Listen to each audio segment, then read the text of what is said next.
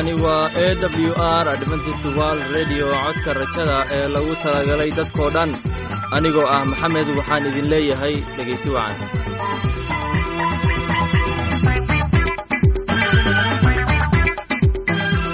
barnaamijkeenna maanta waa laba qaybood. Qaybta koowaad waxaad ku maqli doontaan barnaamijka caafimaadka. Uu inoo soo jeedinaya maxamed kadib waxaa inoo raacaya cashar inaga imaanaya bugga nolosha. Uu inoo soo jeedinaya cabdi. Labadaasi barnaamij ee xiisaha leh waxaa inoo dheer heese daabacsan oo aynu idiin soo xulnay kuwaasoo aynu filayno in aad ka heli doontaan. Dhegaystayaasheenna sharafta iyo qadaradda lahow waxaynu kaa codsanaynaa in aad barnaamijkeenna si haboona u dhegaysataan. Haddii aad wax su'aalaha qabto ama aad haysid wax fikrad ah fadlan inala soo xiriir dib ayaynu kaaga sheegi doonnaa ciwaankeenna. Bal intaynan u gudagelin barnaamijyadeena xiisaha leh waxaad marka hore ku soo dhowaataan heestan daabacsan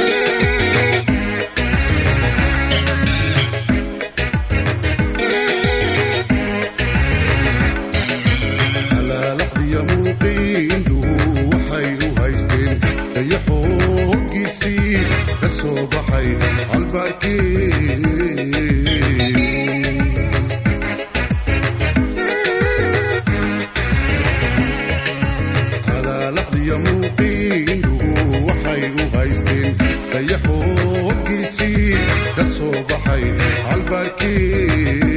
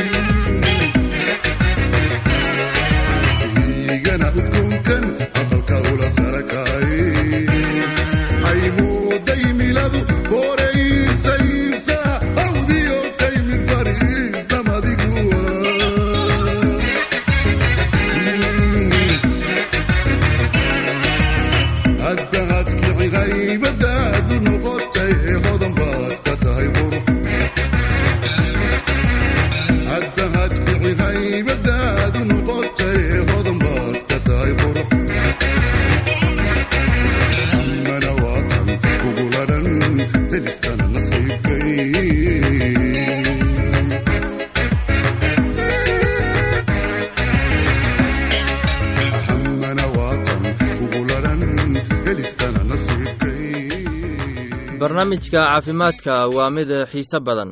Waxaan rajaynayaa inaad ka faa'iidaysan doontaan barnaamijkaasi waxaana inoo soo jeedinaya maxamed. Barnaamijka wuxuu ka hadli doonaa cudurka qaaxada qaybta koowaad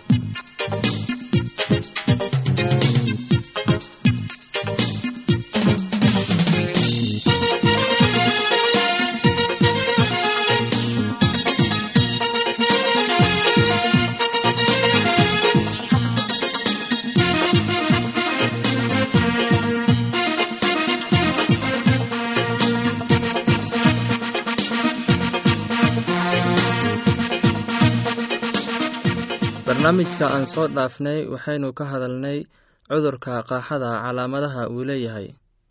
Maantana waxaan filayaa inaad ka faa'iidaysateen heestani haddana waxaad ku soo dhowaataan barnaamijkii doktor luuq ee caafimaadka waa maxay doktor luuq wuxuu ka leeyahay wax ku saabsan kolestarolka tani wuxuu fuulay jaraanjarada shaqadiisa markii uu la filayey inuu bilaabo neeftiisa neefta markay ku dhacday gebiyo uu yeeshay xanuun xabadka ah sida labada oo kale. Wuxuu guud ahaan fuuli jiray jaraanjarooyinka had iyo jeer neef yari awadeed si kastaba ha noqotee maanta aad ayuu uga sii xumaaday. Weligiisana ma uusan helin gebi ahaan xanuun noocani ah. Neefta ka hor wuxuu istaagay oo markuu nastay xanuunkii uu ka yarjabay. Si kastaba ha noqotay markuu u bilaabay in uu socdo ayuu dareemay xanuunkaadiis ah dhinaca feeraha. Wax badan ayuu diiday inuu aado dhakhtarka. Wuxuu u qaaliyey ciwaanada qaar ka mid ah dadka uu la shaqeeyo ayuu u gurmaday oo qaadeen jaraanjarada korna u qaaday ambulans ambulanska ayaa geeyey isbitaalka u dhowaa halkaas oo ay ogaadeen inuu wadno xanuun qabo. Tain guriga ayuu tagay laba todobaad kadib laakiin weli aad ayuu u bukooday. Intii lagu jiray isbitaalka dhakhtartu waxay sameeyeen baaritaano dhiig badan. Midkooda wuxuu ahaa kolestaroolka aad ugu badan jirkiisa. Dhakhtartu waxay u sheegeen tani inay ahayd mid ka mid ah ee saabooyinka waaweyn inuu qalbi qabo weerar tain weligeed ma maqlin kolestaroolka. Muxuu ahaa dhiigga kolestaroolka ku badan. Dad badan oo dunida ku nool ayaa u dhinteen wadna istaaga wadna xanuunka waxaa sababa arrimo badan. Si kastaba ha noqotee sababta ugu weyn ayaa laga yaabaa inay leedahay kolestaroolka sare. Waa maxay kolestaroolku? Kolestaroolku waa duufaanka ay beerkeennu sameeyo iyo tan aan cunno. Marka laga reebo xaaladaha haddii socdaalka ee aad dhiif u ah sababta keentay sida kale waa kolestaroolka sare. Waxay la xiriirtaa cunnoxumo aad u badan taas oo ay ku badan tahay kolestaroolka ku jirta waxaa muhiim ah in kolestaroolka waxaa muhiim ah kolestaroolku waa inay yeelato wax badan oo waxyaalo ku leh. Waxaa si dheer dhibaatadan ugu weyn wadna qaadajyada ama wadna xanuunka badan ayaa leh borotiin aad u yar oo kolestaroolka aad u yar. Sidee bay tayni u badatay kolestaroolka dhiigga. Marka hore beerkiisa ayuu saameeyey. Dhammaan kuwa nool ayaa saameeya kolestaroolka. Tani waa howl aad u adag. Jirka ayaa isticmaala kolestarool maalin weliba sida qayb ka mid ah dhismaha jirkeenna marka waxaan u baahannahay kolestarool waxaa loo isticmaalaa si looga sameeyo kemikooyinka jirka ku jira oo loo sameeyo derbiyada cunugyada yaryar. Xaqiiqdii iyada oo aan jirin kolestaroolka jirkeenna ma ahaan lahayn. Derbiyada cunugyada sababtoo ah kolestaroolku waa shayga ugu weyn ee derbiyada qolka miyaynan la yaab lahayn sida uu eebbe u abuuray jirkeennu si fiican.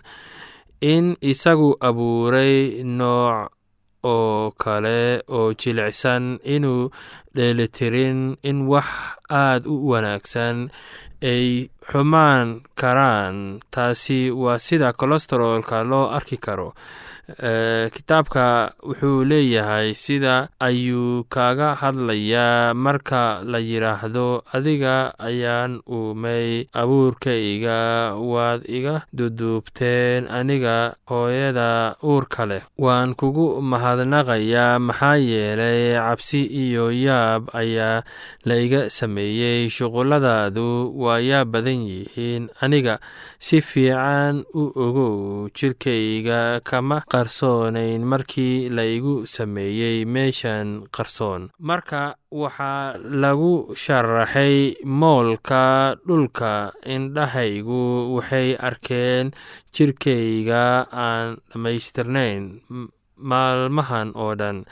Waxaa lagu qoray kitaabadada inta badan mid ka mid ahu uusan aqoonin. Sida ay ugu qoran tahay kitaabka boqol iyo soddon iyo sagaal aayadda saddex iyo toban ilaa iyo lix iyo toban. Sidee la yaab leh in loo abuuray in la miisaano waxaa jeedkeena ku jira sida kaamil iyo waxa aan cunno ayaa caawin karaa oona dhaawici karaa tani waa sida uu sida ay cajaa'ibka ah uu rabbiga u abuuray isagoo na abuuray isku dheelitirka kaamilka ah waa inaan si cad ula yaabsan lahayn arrintani tani keliya ma ahan laakiin waxaad u malaysaa inay taasi tahay mid quman. Hal shay oo jidhka ka mid ah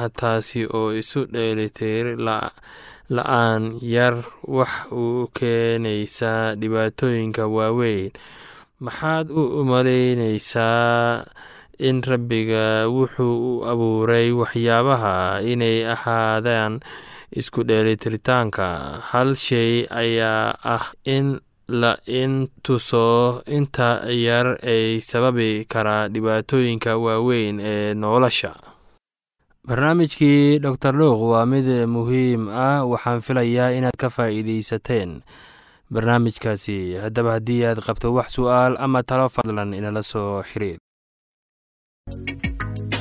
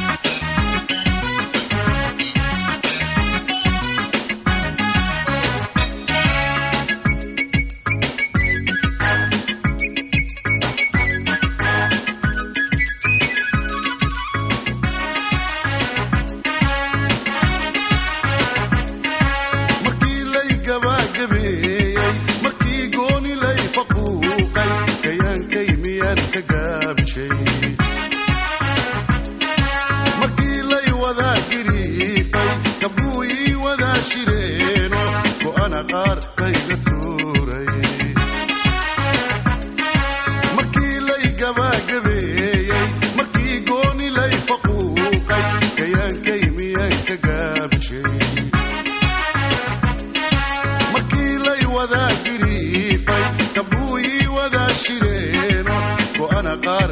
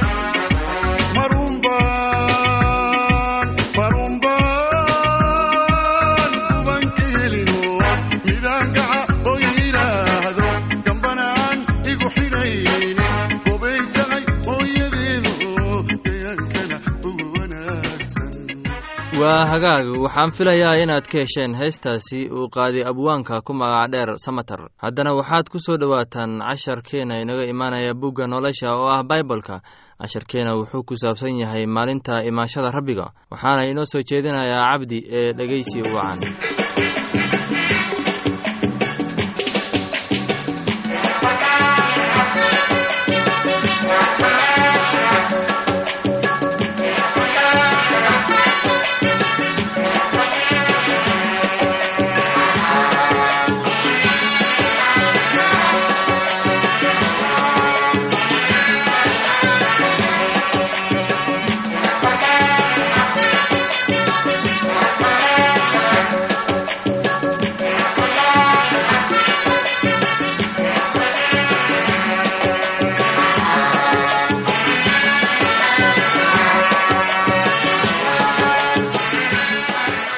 dhegaystayaal maanta waxaan idiin soo gudbin doonaa cashir ku saabsan kitaabka quduuska ah ama baybalka kaasoo aynu kaga hadli doonno ballanka imaatinka rabbiga. Gacaliyayaalow tani waa warqaddii labaad oo aan idinku soo qoray oo labadaba waxaan maankiinna daacadda ah ugu gubaabinayaa xasuusin. Inaad xasuusataan ereyadii nebiyadii qaduuska ahaa hore ugu hadleen iyo amaradii rabbiga badbaadiyaha ah oo ay rasuulladii ka hadleen marka hore waxaad og tihiin in maalmaha ugu dambeeya kuwa majaajilooda ay la imaan doonaan majaajillo iyagoo damacyadooda daba socda oo waxay odhan doonaan ballantii imaatinkii ma aha. Waayo haatan iyo maalintii awowyaashii ay dhinteen wax weliba waxay u socdeen sidii ay ahaayeen tan iyo bilaagii abuuritaanka. Waayo iyagu qaas bay u iloobaan in waagii hore samooyin jireen iyo dhul ereyga ilaah biyo laga dhex abuuray. Kuwaas oo dunida waagaas jirtay ay ku baaba'day iyadoo daad qaadday laakiinse samooyinka haatan jira iyo dhulkaba isku erey baa dab lagu kaydiyey oo waxaa loo hayaa maalinta xisaabta iyo halligaadda dadka cibaadolaawayaasha ah laakiin gacaliyaalow waxaan keliya ha ilaawina in maalinta keliya rabbiga la tahay sidii kun sannadood. Kun sannadood la yihiin sida maalin keliya rabbiga kama raago in uu ballankiisa oofiyo. Sidaas dadka qaarkiis ku tiriyo inay tahay raagid. Laakiin idinku idiin dul qaadan doonaa oo dooni maayo in qofna halligaad laakiin waxa uu doonayaa in kulligiinba aad wada toobad keentaan. Dhegaystayaal maalintii rabbiga waxay u imaan doontaa sida tuug oo kale. Maalintaasi oo ay samooyinka baabbi'i doonaan iyagoo sanqadh weyn ka yeerayso oo waxyaalahaasi abuuran iyagoo gudanaya ayay baabbi'i doonaan. Dhulka iyo shuqullada ku jirana waa la gubi doonaa haddii waxyaalahaasi oo dhammi ay sidaasi u baabbi'i doonaan haddaba dadku caynkaasi ah baa idinku waajib ah inaad noqotaan si aad ugu dhaqantaan dabiicadda quduuska ah iyo cibaadada. Idinkoo sugaya oo aad ugu dadaalaya maalintii imaatinka ilaah taasoo samooyinka iyaga doolaya ayay baabbi'i doonaan. Sidaa daraaddeed gacaliyaalow idinkoo waxyaalahan hore u garanaya iska jira yaan laydinku kaxaysanin qaladka kuwa sharka ah. Ka dhicin adkaantiinna laakiin ku kora nimcada iyo aqoonta rabbiga ah ee badbaadiyaheenna ciise masiixi isagoo ammaano ha u ahaato haatan iyo weligiisba. Dhegaystayaal cashirkeenna maanta waxaan ku soo gebagabaynaynaa intaas kulinti wacan iyo ismaqal dambe iyo hurdo caafimaad leh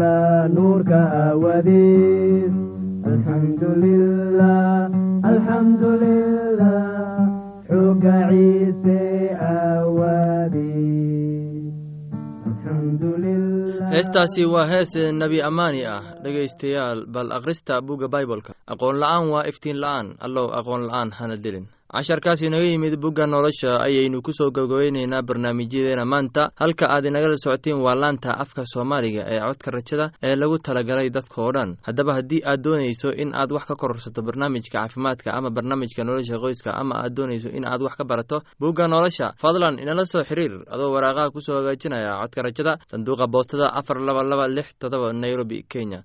Mar labaad ciwaankeenna waa codka rajada sanduuqa boostada afar laba laba lix todoba nairobi kenya. Waxaa kaloo inagala soo xiriiri kartaa emeilka somali e w r at yahu com. Mar labaad somali e w r at yahu dt com. Somali e w r waa hal eray. Anigoo ah maxamed intaan mar kale hawada dib ku kulmayno waxaan idinkaaga tegaynaa. Heesta soo socota sidaas iyo nabadgelyo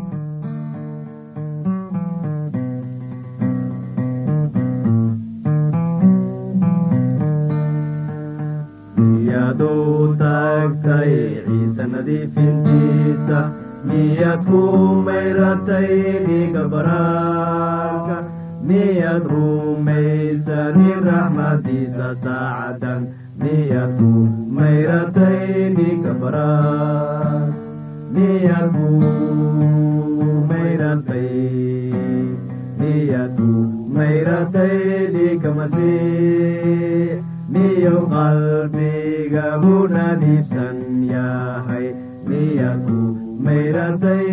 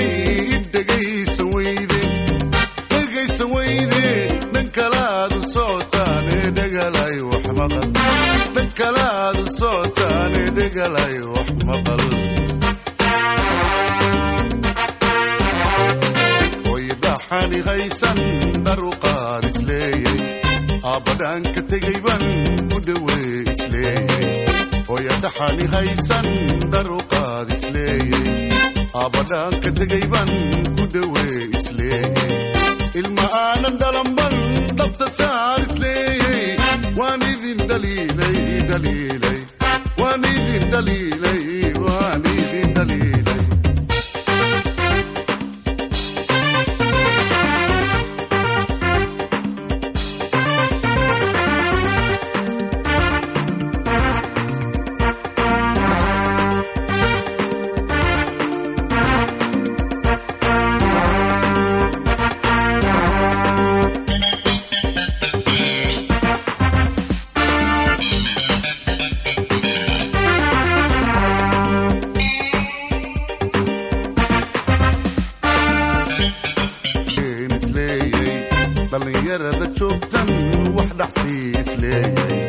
dhallangaajo qabatan haderkeen isleeyey dhallinyarada joogtan wax dhaxsii isleeyey umad kala dhaqaaqdan dhexdhexaad ileeyey waan idin dhaliilay dhaliilay waan idin dhaliilay waan idin dhaliilay waan idin dhaliilay dhaliilay waan idin dhaliilay waan idin dhaliilay